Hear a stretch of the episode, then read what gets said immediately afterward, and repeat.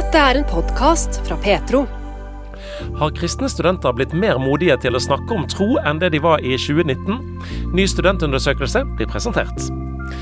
Hvor i verden var det hardest trosforfølgelse i fjor? Og hvorfor velger Misjonssambandet å styre mot et underskudd på 8 millioner kroner i 2024? Dette er spørsmålet vi prøver å besvare i denne utgaven av Petro-uken oppsummert, der òg Margit Hunemo deler sine tanker om møtet mellom Jesus og en fremmed kvinne ved en brønn i Samaria. Og Vi starter altså med å snakke om studenter. For 90% av kristne studenter valgte å holde troen sin hemmelig på studiestedet, hvis vi skal tro en undersøkelse som ble lagt fram av den kristne elev- og studentorganisasjonen Laget i 2019. Fem år seinere har laget nå fulgt opp med en ny undersøkelse for å se utviklingen. Drøyt 1400 kristne studenter har svart på spørsmål om trosvaner og holdninger til tro. Førsteamanuensis Martin Jacobsen ved Ansgar høgskole er en del av gruppen som har analysert resultatene. Der ser det ut som at studentene lever eh, litt mindre med troa inne i skapet. I 2019 svarte altså 91% at kristne studenter nettopp lever med troen inni skapet. Fem år senere tyder undersøkelsen på at flere nå våger å snakke med sine medstudenter om tro, men forskjellen er ikke veldig stor. For fem år siden svarte 77% at de kun tar opp kristen tro hvis de får direkte spørsmål om det. Tilsvarende tall i dag er 69% På den ene sida ser dette bra ut. Større åpenhet og en, en litt større initiativ blant studentene for å kunne snakke om tro. Eh, man sier at det bør være et rom for å snakke om tro på studiesteder, men man vegrer seg for å sjøl åpne det rommet og for å sjøl ta initiativ til, til samtaler. Så det er, det er en, en, trend i en sånn litt positiv retning, men ikke en sånn overveldende positiv retning. Det er oftest de andre som tar initiativ til samtaler om tro. Generalsekretær Karl Johan Kjøde i laget syns likevel endringen fra forrige undersøkelse er verdt å glede seg over tallene den gangen her viser jo at det er en eh, økt frimodighet blant kristne studenter. Det er ganske sånn gjennomgående på de tallene som måler det her i undersøkelsen, så er det ganske sånn gjennomgående like bevegelser. Eh, og det, det synes det ja, gir god grunn til å tro at det her har faktisk vært en liten endring. Den er ikke stor, som du sier, men, men det er en endring. Eh, og den endringa fra mitt perspektiv er jo da i positiv retning, fordi vi ønsker jo et samfunn som er livssynsåpent, og som innebærer at folk Eh, kan snakke åpent om troa si, og det ser det ut til at kristne studenter gjør i større grad nå enn sist. Hvilken betydning har det? det? Det, peker i retning av en mer bærekraftig tro for den enkelte, og så tror jeg det er bra for studiestedet. Eh, at eh, der er folk som ikke bare er medstrøms og politisk korrekte, og som jatter med, men som i kraft av at de også er kristne, bringer en ny stemme inn i studiemangfoldet. Det, det tenker jeg er kjempesunt for hele ytringsklimaet på, på norske universitet og høyskoler. Litt flere enn før våger altså å snakke om tro med sine medstudenter. Men hva er det som hindrer de som ikke tør det? Tilbake til Martin Jacobsen på Ansgar høgskole. En veldig viktig ting som hindrer, er at de sier eh, 'jeg vet ikke hva jeg skal si'. Um, altså, hva, Hvordan starter jeg sånne samtaler, og hvordan følger jeg de opp? En annen ting som er veldig, eh, veldig interessant, er at god del studenter sier at 'jeg vil ikke støte noen', og jeg vil ikke assosieres med ekstreme holdninger. Jeg tror det har skjedd en samfunnsutvikling her, hvor 20-30-40 år tilbake eh, altså Hvis de kristne ble sett ned på, eh, så ble de kanskje sett ned på som dobbeltmoralske. At OK, dere sier dere har en så høy moral, men dere lever det ikke ut. Dere er dobbeltmoralske. Eh, eh, I dag så tror jeg det har endra seg. Hvor de kristne heller blir oppfatta som umoralske hvor man kanskje spesielt tydelig i dag ser på sånn seksualetikk og, og, sier at dere kristne, dere mener feil ting. Um, dere er umoralske. Og den holdninga der vil man ikke assosieres med. Ikke man vil ikke være den som er umoralsk. Uh, og sånn sett vegrer seg kanskje mer for å snakke om tro. Generalsekretær Karl Johan Skjøde er ikke overrasket over at det er akkurat her skoen trykker i lagets studentundersøkelse 2024. Ja, og det er, jo, eh, det er jo en trend som har blitt mer fremtredende siden sist. Eh, var nok kanskje overraska at sist gang så ga disse her funnene såpass små utslag som de gjorde. Um, men eh, Det vi ser nå, er at eh, det er nesten en dobling i, i antall som frykter å fremstå som ekstreme, eller frykter å fremstå som støtende, da, idet de har helt alminnelige trossamtaler. Det er nok et uttrykk for at uh, en er vant til livssynsmangfold, og, og, en kan, og en liker å tenke at en lever i en mangfoldig samtid og på et mangfoldig studiested, der en er raus og romslig med hverandre. og Jeg tror nok at mange unge, mange studenter i dag, er gode på å omgås folk som tenker helt ulikt deg sjøl. Men det viser også ganske tydelig at rommet har smalna inn på en del områder likevel. Det er noen absolutter. Eh, noen hellige kuer da, som du bare Som for all del ikke må kjøre på eh, i det norske sekulære samfunnet. Hvilke hellige kuer snakker vi da om? Jeg tenker at det, det er særlig hellig kua knytta til et typisk sånn sekulært livssyn. Um, der det å finne sin egen sannhet, skape sin egen identitet, er ekstremt viktig. Så der er, der er særlig tre områder jeg ser at i dag, hvis du har avvikende meninger på disse områdene, da blir du ikke møtt med motargument, men du blir møtt med stempling. Um, det, det gjelder seksualitet og hvordan en lever sammen innenfor det seksuelle. Det gjelder kjønnsidentitet og hvordan en omtaler folk som identifiserer seg som, som uh, enn sitt biologiske kjønn. Og det gjelder i forhold til f.eks. For abort. Ja, der, der, jeg tror veldig mange vil oppleve at idet du målbærer et sånn klassisk kristent standpunkt i disse synspunktene, her, så er du både homofob og transfob og kvinnehater, og sånn er den saken ferdig snakka, ingenting mer å snakke om der. Fordi at disse spørsmålene er så sentrale i mange sin identitetsforståelse så glemmer de at det også er et livssyn. Um, og at i det øyeblikket de møter et kristenmenneske, f.eks., så er det et annet mål enn den sekulære sjølrealiseringsfortellinga som står i sentrum for oss å begynner vår identitet hos Gud. Så det å øve opp studenter som ikke er vant til det, å snakke om disse tingene med innestemme, det tror jeg blir en utfordring framover. Altså. Kan laget bidra i så måte? Eller for å si det på en annen måte, vil, vil denne undersøkelsen her eh, styre noe om, om, hva dere satser på fremover? Ja, jeg vil jo helt opplagt si at uh, vi kan bidra. Um, og jeg, jeg, tenker at uh, det viktigste bidraget laget kan ha som en kristen elev- og studentorganisasjon, er at vi kan hjelpe å flytte trossamtalen fra kirka uh, og ut i skolene og ut i studiesteder. Um, og Det er det vi ønsker å være et redskap for. da, å skape liksom trossamtaler der hvor mange faktisk sier at de savner at de finnes. da. For 85% av de som svarer på den undersøkelsen, sier at de kunne ønske de hadde flere sånne samtaler. Og, og, sannheten er at når vi har vært ute og spurt ikke-kristne studenter på studiesteder, kunne, kunne dere tenke dere eh, å bli med i et fellesskap for å drøfte trosspørsmål og liksom livets dypere saker, så, så svarer to av tre ja på det. Så det er en stor interesse for å ha samtaler. men hvis alt en ser er det polariserte debattklima der, eh, der eh, liksom offentlige meningsytere stempler hverandre i det øyeblikket en, en møter motstand. Eh, og hvis vi i akademia ikke kan liksom også møte hverandre på tvers av vidt forskjellige livssyn, um, da har vi i framtida et problem. Så noen må gå inn og gjøre en jobb der, og, og der tenker jeg laget kan spille en viktig rolle. Ja, så, så, Det jeg hører nå er at du sier at det er viktig å skape arenaer der, der en kan snakke sammen på tvers av ulike opplevelser og syn og alt dette her? Ja, vi må skape de arenaene for å skape en dypere forståelse av det. For, for, for jeg, jeg, tror det er sånn det, det, er nok en sånn tendens til at en, um, en beveger seg innenfor stammesamfunnene sine, der en opplever at det er mye de samme meningene som verserer og går, går i sirkel. og så og så har vi på en måte en moderne teknologi som kanskje underbygger akkurat det samme med sin algoritmebaserte sosiale medier, sant? der du blir eksponert for det du sjøl mener og tror på. Og, og, jeg tenker at akademia, altså nettopp høyere utdanning, skal være et av botemidlene eh, mot det her. da. Eh, og at det, det, skal kunne være stedet der iallfall jeg har et høyt ideal om at eh, tanker og meninger skal kunne brynes uten at vi har behov for å definere hverandre utafor, men at vi i det fellesskapet kan holde liksom også de høylytte samtalene frem som, som, noe som vi kan tåle av hverandre.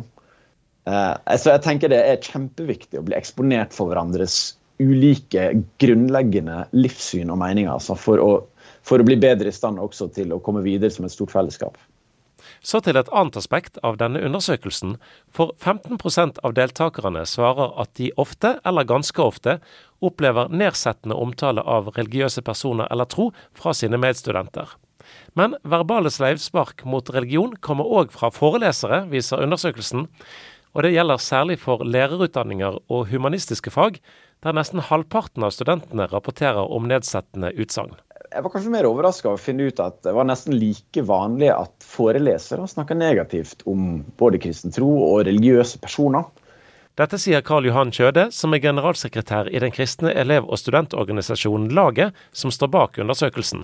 På toppen av verstingskalaen eh, i disse funnene her, så finner du da humaniora, og, og egentlig like under der pedagogikkstudentene. Med andre ord, fremtidens lærere og klasseromsledere får altså modellert Hele 44 av de oppgir at de får modellert nedsettende omtale av religiøse personer i utdanninga si til hvordan de skal være lærere.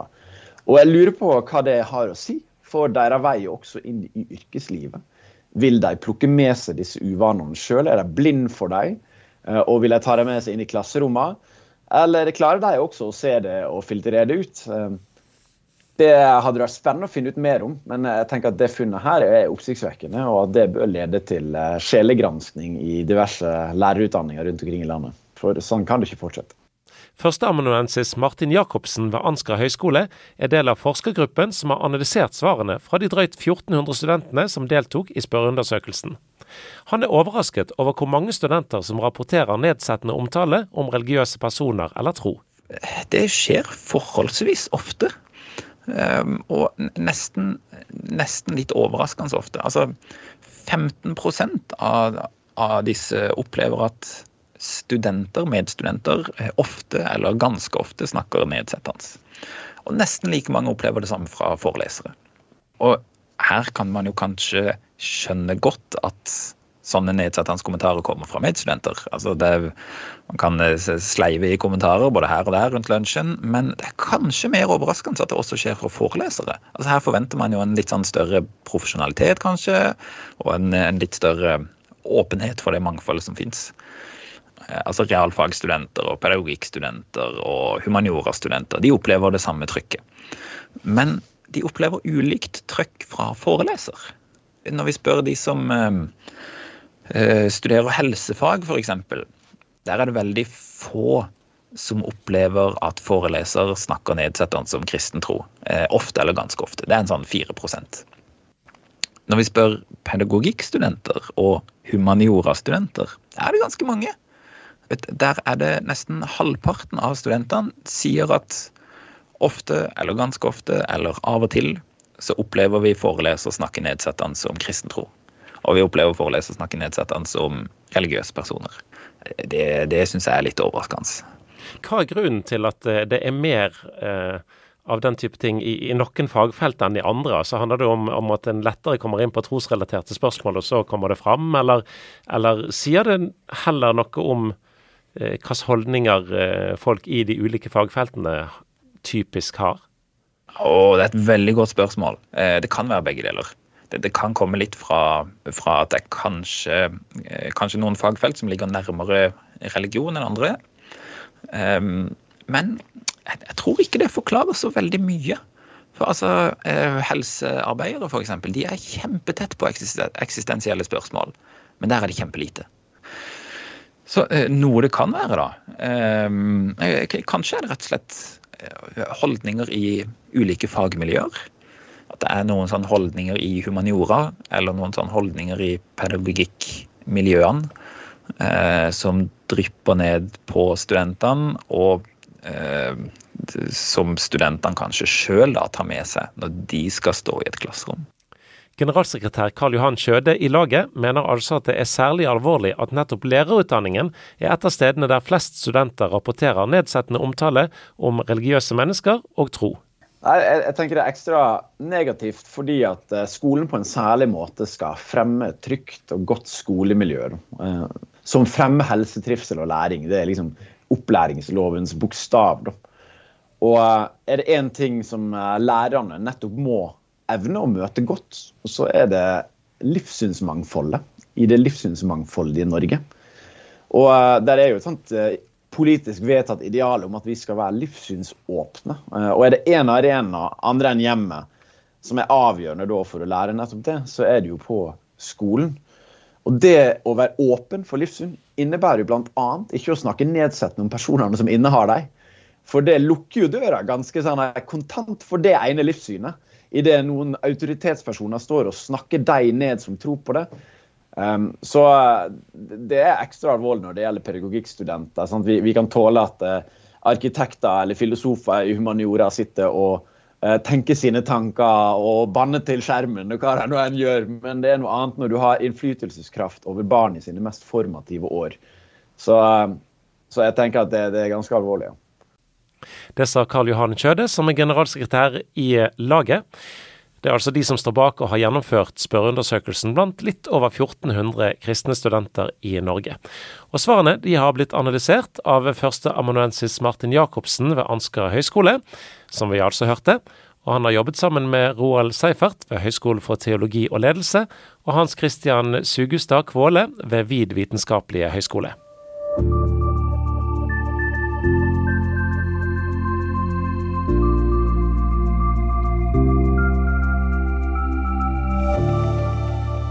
Onsdag formiddag la organisasjonen Åpne dører fram listen som viser de 50 landene i verden der det er vanskeligst å være en kristen. World Watch List blir utarbeidet hvert år, og reporter Sølvi Olim var til stede på pressekonferansen på onsdag. Da er det rett før pressekonferansen til um, Åpne dører begynner inn i Oslo. De skal legge fram World Watch List i dag. Og um, salen i Philadelphia i Oslo er um, ja, ganske full. Snart skal vi høre hva de sier. Velkommen til lanseringen av World Watch List 2024. Mitt navn er Morten Askeland. Jeg er generalsekretær i Åpne dører. Det er 31. gang at listen eh, lanseres, eller eh, kommer ut. Og eh, i dag så, det, så vil den bli presentert i det engelske parlament med 113 members og parlament som er med der. Den er lansert i det danske Folketinget. Er gjennomgang i det svenske Riksdagen og ca. 25-30 andre steder omkring i verden. Da har jeg fått tak i eh, faglig leder i Åpne dører, Ole Petter Erlandsen. Og det ble en vellykka pressekonferanse, syns du ikke? Jeg er fornøyd med presentasjonen. Vi har fått fram hovedpoengene i den litt triste, alvorlige utviklingen i forhold til forfølgelse av, av kristne i verden. Mm. For det som uh, dere har fortalt i dag, er jo rett og slett at det er nå verre å være en kristen rundt om i verden enn det var i 2023. Ja, verre og omtrent, omtrent det samme, men sannsynligvis litt verre. Uh, det har stabilisert seg på et høyt nivå, altså høyeste nivå av forfølgelse vi har hatt på de, de 30 årene vi har målt. 365 millioner kristne blir forfulgt for sin tro. Mm. Det er ganske deprimerende. Ja, det er deprimerende. Også som troende må vi også huske den motsatte sida, som, som, sier at uh, Jesus uh, sa at den som fulgte han kom til å bli forfulgt. Så Sånn sett så er det en normaltilstand. Og, og det vi også ser, er at der hvor kristne blir forfulgt, er også veldig ofte der hvor kirken er i vekst. Så får dere tilbakemeldinger om det at det, rett og slett blir det flere kristne menigheter der hvor det er stor forfølgelse? Ja, svært ofte. Vi hadde en forsker nå som forsker på Laos, som sa at eh, han syntes det var oppmuntrende. Han har aldri sett så så sterk sammenheng, statistisk om du vil, mellom det at det var eh, kristen vekkelse og det at forfølgelsen øker. For, forfølgelsen i Laos har økt ganske kraftig.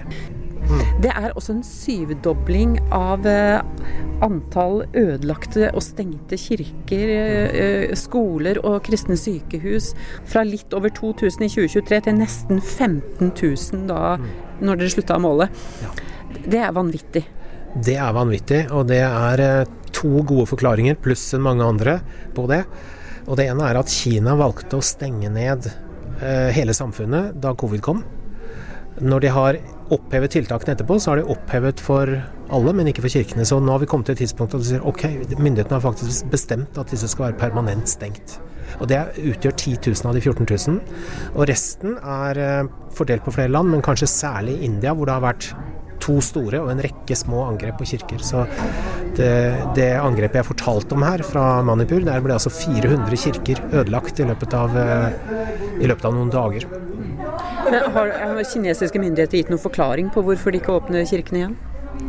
Altså, Dette er jo komplisert fordi eh, du har den såkalte husmenighetsbevegelsen. De, de, møttes jo i hjemmene en gang i tiden, og så har de møttes i store, store forsamlingslokaler. Og myndighetene har sett gjennom fingrene med det, delvis.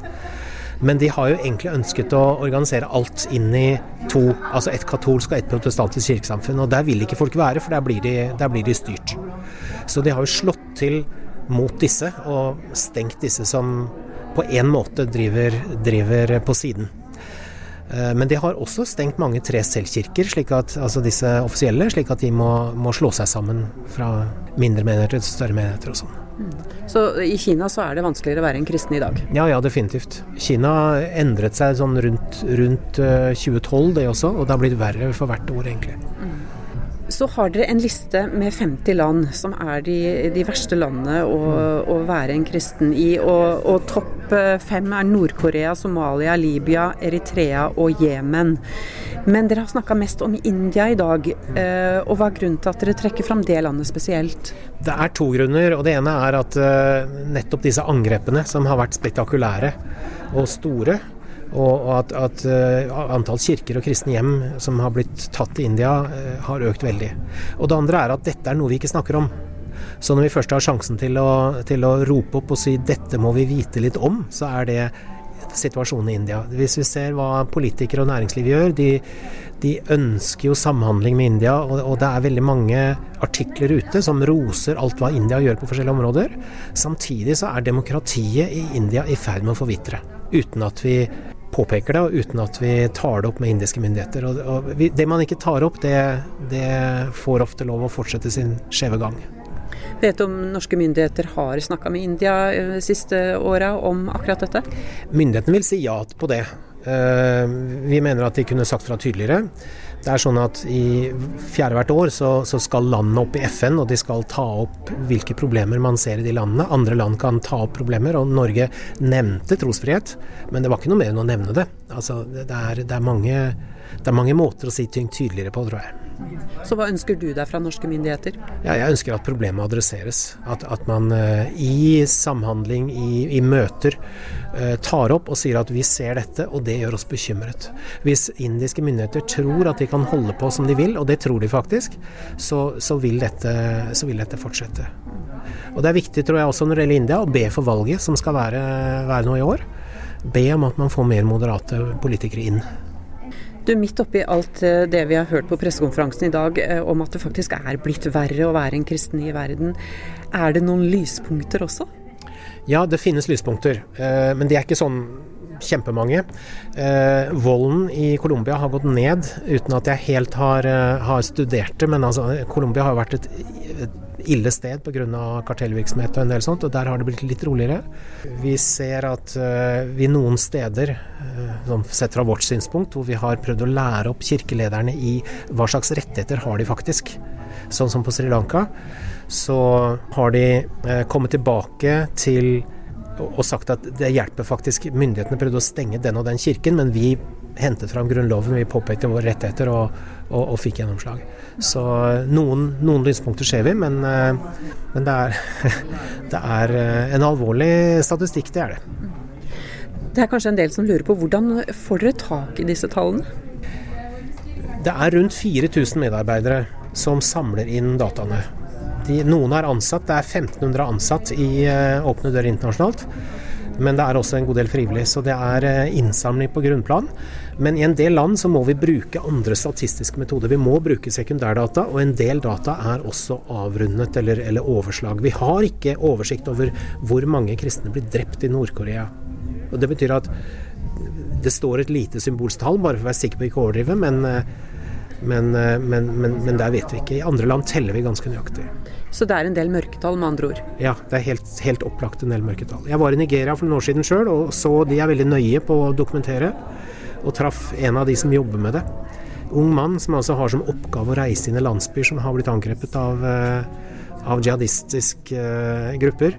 Og, og, han teller antall døde og antall skadde, og prøver å finne ut om de trenger å komme seg ut, om de trenger å komme til en flyktningleir. Og han prøver å finne ut hva er det de trenger av hjelp, direkte hjelp.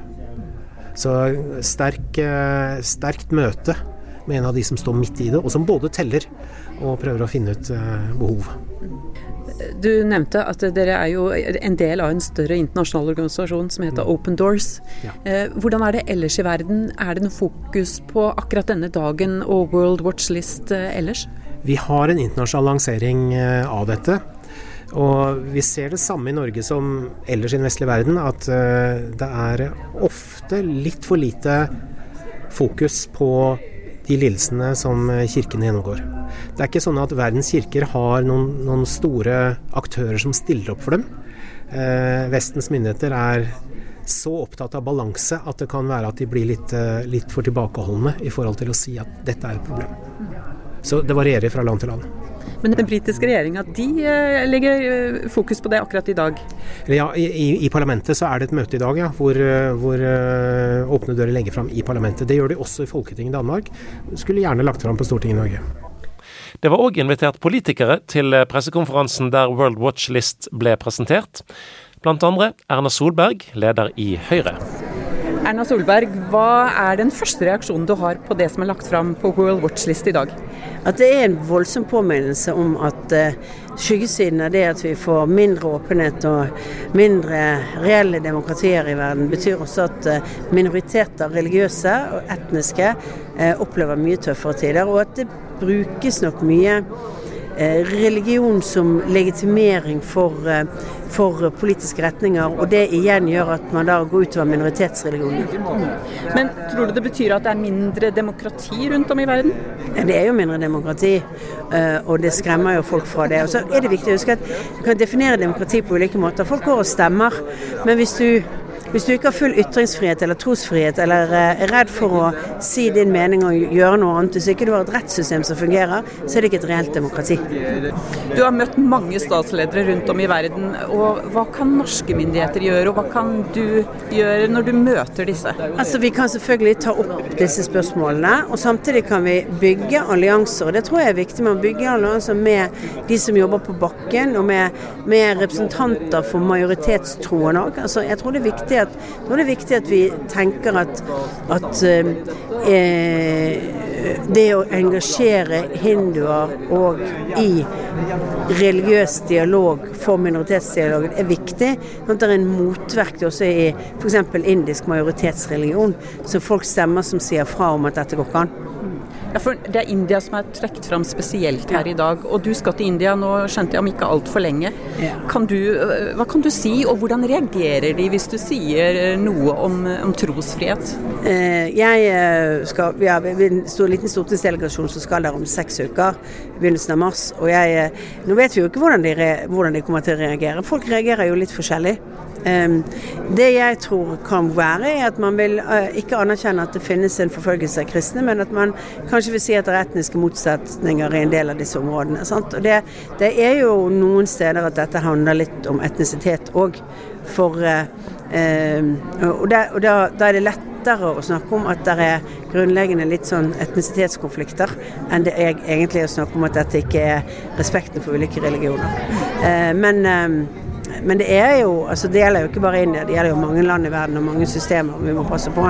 Eh, og, og det gjelder jo også å, å eh, jobbe med dette gjennom de store FN-organisasjonene.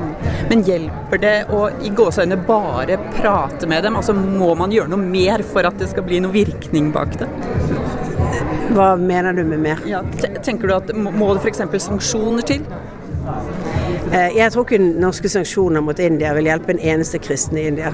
Eh, altså det, det, er de som tror at Norge kan løse alle problemer. 5,5 millioner mennesker. Eh, stor økonomi i forhold til størrelsen vår, men liten, bety, betydningsløs i forhold til Indias både befolkning og stort. Jeg tror at påvirkning dreier seg om å bygge samarbeid, det dreier seg om å bygge utvikling, det dreier seg om å påpeke det. Men det å forsøke å isolere virker mot sin hensikt. Så hva er konklusjonen? Hva kan Norge gjøre i den store verden? Nei, Vi kan altså jobbe med å støtte opp under de nettverkene som er og den dialogen som er, og ta opp disse sakene. Men, men eh, troen på at Norge løser alle problemer i alle hjørner av verden, eh, den tror jeg vi må modifisere litt. Vi kan være et tallrør for å ta opp disse spørsmålene, men eh, eh så stor makt har ikke Norge. Tusen takk. Dag Inge Ulstein, du har vært på um, pressekonferansen til Åpne dører og hørt nå De har lagt fram World Watch List. Eh, hva tenker du om de tallene du har hørt i dag, om at det er flere forfulgte kristne nå enn det var eh, i fjor? Er det virkelig urovekkende tall, eh, ikke minst det vi ser fra India. Nesten uten oppmerksomhet både i mediebildet her og internasjonalt. Og gjerne så ser vi at det, den trosdimensjonen da, i slike konflikter, overgrep og drap, den blir på en måte gjemt unna. Det er så mange andre begrunnelser, men det er altså ingen tvil om at når kirke blir angrepet, prester, biskoper, pastorer, eh, så systematisk, så, så, er det det. Eh, og Den kunnskapen trenger vi. Og så trenger vi ikke minst å handle. Vi trenger å, å engasjere oss. og Derfor er det bra at vi er politikere i dag og kan eh, ja, ta det med oss når vi skal videre og møte myndigheter fra andre land også. Erna Solberg eh, sa flere ganger når jeg intervjuet henne at eh, er, lille Norge får ikke gjort så mye. Men hva tenker du? Det må jo være noe hvert enkelt land kan gjøre? Jeg er helt uenig. Mye jeg er enig med Erna Solberg om, men eh, vi kan ikke tenke slik. Eh, og Derfor så var det viktig for meg, og fortsatt er det, å engasjere seg nettopp på trosfrihetsfeltet. Eh, det å utfordre andre nordiske ministre og politikere om vi kan gjøre noe sammen, og ikke minst eh, bruke alle de mulighetene vi har til å prioritere trosbaserte organisasjoner, de som jobber med kunnskap og innsikt for forfulgte kristne. For hvis ikke vi tror vi kan gjøre en forskjell, så vil ikke det skje noe som helst. Og jeg har sett at det betyr en forskjell. Jeg har sett at vi når inn der ingen andre når inn, og at vi er med å forandre liv. Så det vil i hvert fall vi i Kristelig Folkeparti fortsetter med. Du har jo truffet mange i jobben din som eh, utviklingsminister. Hvordan opplever du det at de tar imot hvis du kommer inn på det med trosforfølgelse? Det har vært eh, både spennende og utfordrende. Eh, prøvde å være litt bevisste på hvilke områder vi, vi faktisk reiser inn, for å være en mulighet, om det var til stengte land, altså Laos eller Myanmar eller andre, der vi nettopp møtte organisasjoner, kirkeledere og andre som sto midt i de utfordringene. Um, men som oftest så blir vi tatt imot med respekt, uh, og det fantastiske er at vi møter uh, mange engasjerte mennesker som, som, står midt i det her, med fare for sitt eget liv, men som likevel da uh, kjemper for trosfrihet for sine trossøsken. Men Tenker du at norske myndigheter har kun muligheten til å eh, ha dialog med dem, eller er det andre ting òg som kan settes inn for at eh, kristne skal ha det bedre rundt om i verden? Jeg tror vi må gjøre flere ting. Eh, både den direkte myndighetskontakten eh, når en er i møte, eh, når en er på reise, tar imot delegasjoner. Men så tror jeg jo Eh, så samarbeid det tror jeg er viktig uansett, men da må en våge å ta opp nettopp det å utfordre og stille betingelser også der det er, er nødvendig. Men så tror jeg òg veldig på den kontakten en kan ha direkte, eh, gjerne under radaren, med, med sivilsamfunnsledere, kirkeledere og politikere og myndighetspersoner også som, eh, som ønsker å forandre landene sine og sikre trosfriheten. For de fins, og de vil vi støtte og, og be for også i fortsettelsen. Tusen takk.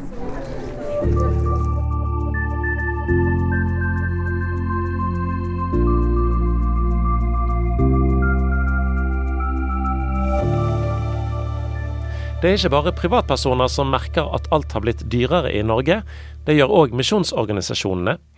I Misjonssambandet har hovedstyret godkjent et budsjett for 2024 med et underskudd på nesten 8 millioner kroner. Økonomileder Morten Pettersen forklarer hvorfor. Ja, det er et uh, godt spørsmål å svare på. Altså, grunnen er det at uh, det var i utgangspunktet høyere enn det. Kostnadene har økt mye hos oss, både ute og hjemme. Uh, vi har en for stor aktivitet i forhold til det vi får inn årlig. Det er ikke til å komme fra. Og nå blei det sånn for oss at vi jobber med å redusere utenlandskostnadene med 3 millioner regionskostnadene med 3 millioner, og her på hovedkontoret med 2,5. Da kom vi ned til 7,9 millioner i underskudd for 2024. Eh, og det har da hovedstyret sagt ja til, at vi går videre med ut over vinteren her nå. Og så skal vi da jobbe med de tallene som jeg nevnte, eh, og snu hver stein. Eh, for det er nødvendig for oss. Eh, og så skal vi legge fram et revidert budsjett for hovedstyret utpå våren, tidlig sommer. Ja. Men eh, selv om tallene ikke er klare for 2023, eh, hvordan ser regnskapet for 2023 ut? Altså Vi hadde eh, for 2023 så hadde, eller har hovedstyret eh, godkjent under, et underskudd på 13 eh, i dette året. Av hensyn til det at det, var så viktig for oss etter pandemien å opprettholde aktiviteten vår så vi ønska ikke å skjære ned på den, og det var viktig å opprettholde den. Derfor så blei det sann for 2023. Så tror vi nok at vi skal klare å komme ned et sted kanskje mellom ja, 6 til 8 millioner i minus. Det er, det er liksom håpet for 2023. Og vi er svært takknemlige fordi at vi har en økning i gaveinntektene på 2023 i forhold til 2022 på over 5 millioner kroner. Og vi har en økning også på gjenbruksbutikkene på nesten 8. Så det til sammen, eh, med den kostnadsøkningen, og når vi tar inn det, så er håpet da at vi skal lande på et sted mellom 6 og 8 millioner i minus for 2023. Mm. Men da selv om eh, dere har fått økte gaveinntekter og gjenbruksbutikkene også har gitt dere mer, hva er det som er grunnen til at kostnadene eh, har de blitt høyere, for å si det sånn? Ja, Det er jo som det skjer generelt i hele samfunnet, og, og faktisk over hele verden. Altså kostnadene har økt formidabelt. Og det, og det for, På skolene våre så gjelder det ikke minst mat og strøm og alt det som går der. Og, og, og sånn er det, skjer vi overalt. Og så hadde vi, og har hatt, og følger en lønnsutvikling som det også er økning på. Eh, så, så vi er tilbake igjen til det jeg sa i stad, at vi, vi, har i Misjonssambandet en for høy aktivitet per nå. Og det er det vi liksom går inn i nå for å se og vurdere, og se hva er det vi kan gjøre her så ønsker vi ikke nå på nåværende tidspunkt å si at eh, nå skal vi redusere i NLM og vi skal trekke folk hjem, eller vi skal endre noe struktur i regionsystemet eller her på hovedkontoret. For vi ønsker å snu hver stein og se hva er det vi kan klare å ta ned. Det går på reiseutgifter, det går på møter, og det går på mange ting som vi da prøver å snu og få redusert. Og vi har tro for at uh, ikke minst på, på utarbeidet og rundt omkring i regionene, og både her på hovedkontoret, at vi skal klare å få redusert noe. Men om vi klarer alle de 8,5 som hovedstyret har bedt oss om, det tør jeg ikke å svare på før vi kommer litt lenger utpå våren. Men er det snakk om oppsigelse, oppsigelser, f.eks.? Nei. Det er jo da grunnlaget for at jeg sa at vi gjør den jobben vi gjør nå. Og det er for at vi ikke ønsker å gå og tenke i den retning at vi skal redusere, eller at vi skal ha ansettelsesstopp, eller noe sånt foreløpig i Misjonssambandet. Mm. Men hva med permittering, da? Ja, altså det, det, det, må vi også komme tilbake til, men vi har ikke hatt det oppe enda som en, som en uh, naturlig mulighet, kan du si. Du nevnte skolene. Uh, er det en del skoler som sliter med å få nok elever? Ja, altså vi har vært veldig åpne i, i, det siste året med det at vi har tilført skolene våre 35,5 millioner i likvide midler, i kapitalforhøyelse. Eh, og det er da spesielt retta mot der hvor egenkapitalen er tapt. I og med at alle skolene er registrert som aksjeselskap, så har vi ikke lov innafor privatskoleloven og økonomiforskriftene der og at skolene da går med negativ egenkapital. Og da har vi måttet tilført frisk kapital, og det gjorde vi da i fjor, i 2023. Og vi brukte 30 millioner av salget av Grensen 19, og så ble det 5,5 millioner til på slutten av året nå. Eh, og det har vi da måttet ta rett i fra hovedkassa, fordi at vi kunne ikke føre opp mer midler fra eiendom på det. Men 35,5 millioner har vi tilført, og så jobber vi da med både regionstyrene og skolestyrene og skoleledelse rundt omkring på skolene, for da også finne fram til det nødvendige driftsgrunnlag for at skolen skal kunne gå i balanse. Og det er det som er målet vårt, og det er det som ligger i hele tanken. At institusjonene i Norge de skal så langt det er mulig være selvbærende. Hvordan er eh, nattesøvnen nå da, Morten Pettersen? Er du optimist, eller eh, hva tenker du eh, om tida, eller 2024? Ja da, jeg er det, og jeg sover godt. Har ikke noe, har ikke noe vanskeligheter med det. Eh, Syns jeg er fantastisk privilegert som får lov til å være på den plassen jeg er nå.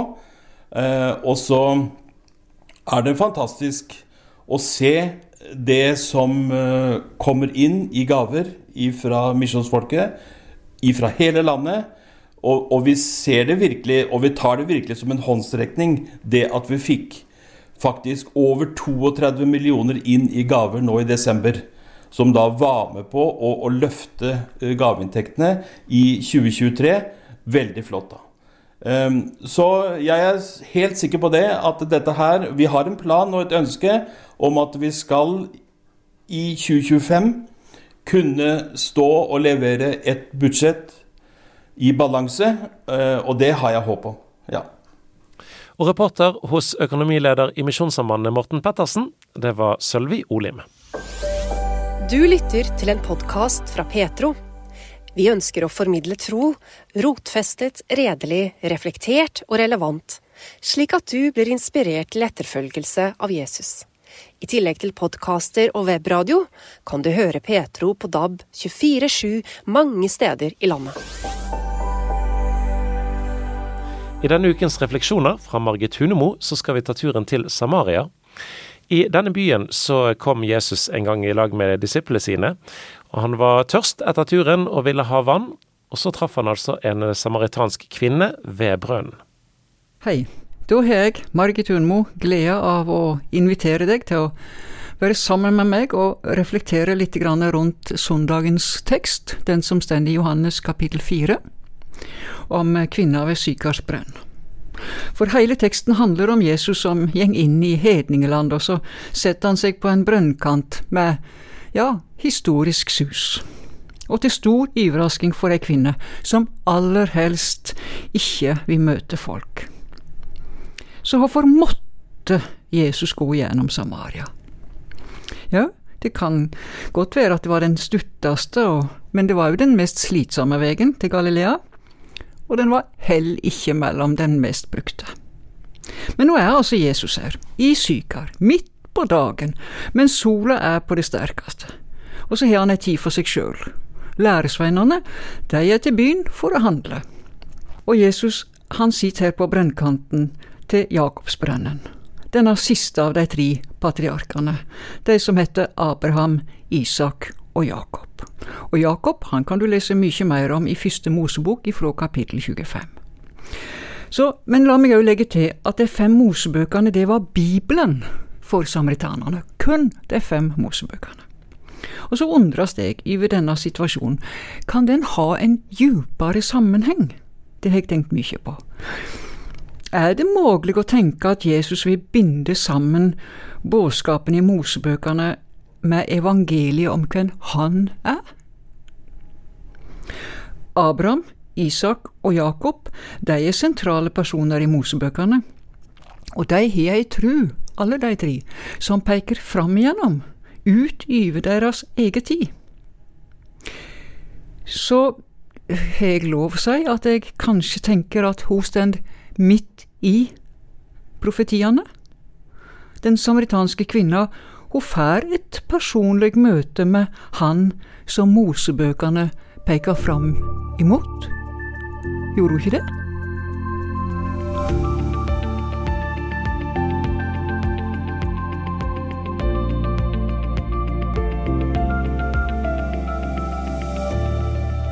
Jesus sier til henne, gå og rop på mannen din, og kom så hit. Kvinna svarer, jeg har ikke noen mann. Og Jesus sier til henne, Med rette sa du, Jeg har ingen mann. For du har hatt fem menn, og han du har nå, han er ikke din mann. Så der taler du sant. Innledningen den har eh, jeg henta i Johannes kapittel 4, vers 16-18, og det er en del av søndagsteksten. Så langt i Johannes 4 så har vi fått inntrykk av ei kvinne med et veldig, veldig dårlig sjølbilde. Hun har låg status. Ja, hun er kanskje til og med utsatt for ganske mye baktale. Så hun gjeng til brønnen for å hente vann, mens de andre holder seg inne. Og så er hun i tillegg til alt dette andre av et folk som ikke blir rekna med, av jødene, da. Og her, på brønnkanten, sitter en jødisk mann, og så taler han med ho, av alle ting. Respektfullt. Men selvsagt måtte han au vri rundt i det ømme punktet i livet hennes. Gå og rop på mannen din, sa han, og kom så hit. Å, kan du ikke bare gi meg det levende vatnet som du preker om, så jeg slipper å gå hit og få flere spørsmål? Men hør, det levende vatnet som Jesus vil gi ho og deg og meg, det er knytt til sanning. Du må våge, og det må jeg òg, våge å gi Jesus rett i det han sier om ditt liv og mitt liv.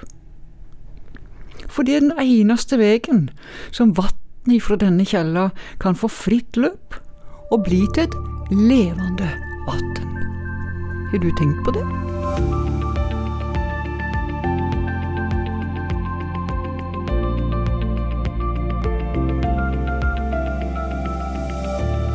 Denne samaritanske kvinna hun kommer til brønnen i solsteiken, og hun har møtte han som Abraham, Isak og Jakob trodde på og venta på og så fram imot. Jesus Kristus, Guds enbårne sønn.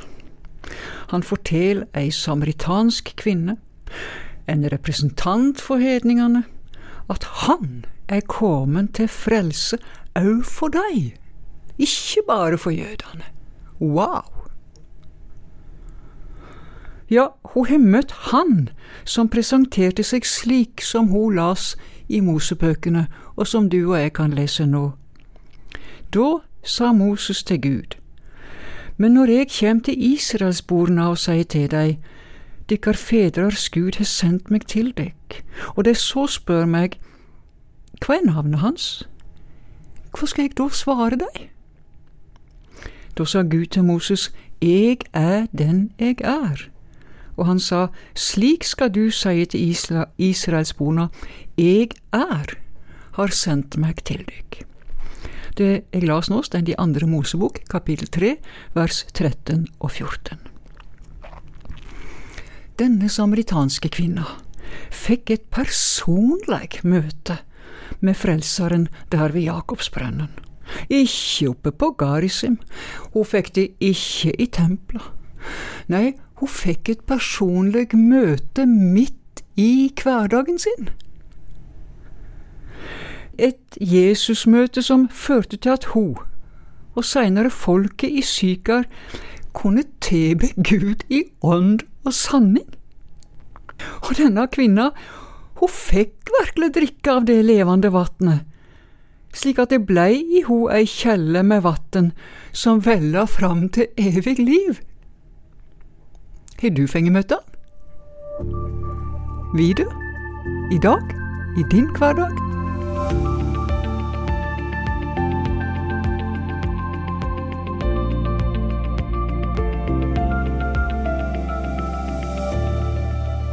Jeg, Margit, jeg hopper i det, og så utfordrer deg og meg med spørsmålet Har vi, altså du og jeg, et Samaria? Ja, for det første, la meg si, i de fire evangelia som vi har i Nytestamentet, så er det faktisk bare Johannes som tar fram dette møtet. Alle læresveinene var med på turen. Og da de kom att fra byen, så undra de seg over at Jesus taler med ei kvinne, til og med ei samaritansk kvinne.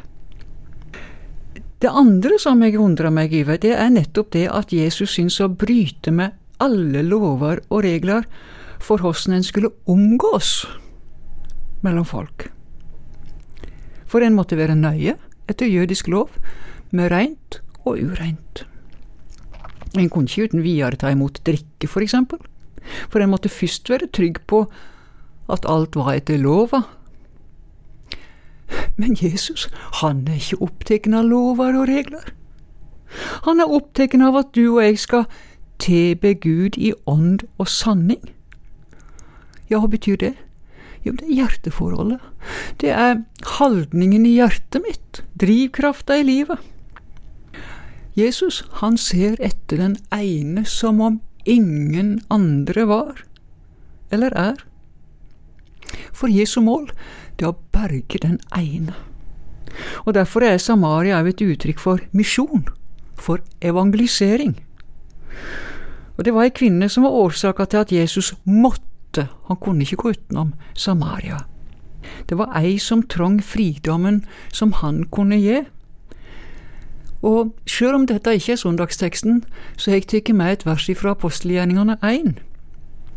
Og der står det slik, det er Jesus som sier det, før han reiser opp til himmelen. Men det skal få kraft når Den hellige ande kommer over dere, og det skal være mine vitner både i Jerusalem og hele Judea og Samaria og alt til endene av jorda. Så jeg spør en gang til, jeg. Har du et Samaria du skulle gå til?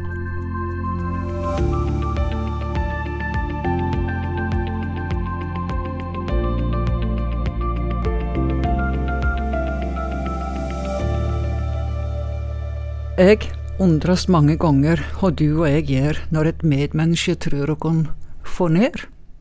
Er du da mellom de som skifter tema? Prøver å komme unna med å stille noen spørsmål? Kverulere litt, som jeg plager seg. Kvinna i søndagsteksten som vi møter nå til søndag, den i Johannes 4, hun er opptatt av at Jesus er en profet, for han har tross alt fortalt henne om mange menn hun har hatt. Så da bør han vel òg kunne svare på et krevende spørsmål om hva det er rette stedet å be. Kan du kjenne deg igjen i ei slik manøvrering? Når samtalen tar ei uventa og personlig vending? I Johannes 4, versa 25 og 26 står det Kvinna sier til han, Eg vet at Messias kjem, han som blir kalla Kristus, og når han kjem, skal han forkynne oss alt. Og dersom du opplever at jeg blir med deg bort ifra det vi egentlig burde ha tala om, så har jeg lyst til å streke under det nå, her jeg står i studio. Jesus han gjeng ikke utenom eller forbi. Han blir til du har gitt han et svar. Jesus sier til henne, det er jeg, jeg som taler med deg. Det sier han til deg òg i dag, og det kan du vel ikke komme forbi, og så la være å svare på.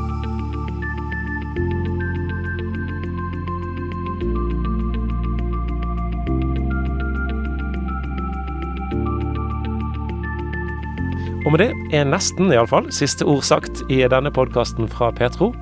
Petro-uken oppsummert kommer med en ny episode hver fredag ettermiddag. Jeg heter Bjørn Inge Sakstad. Vi høres.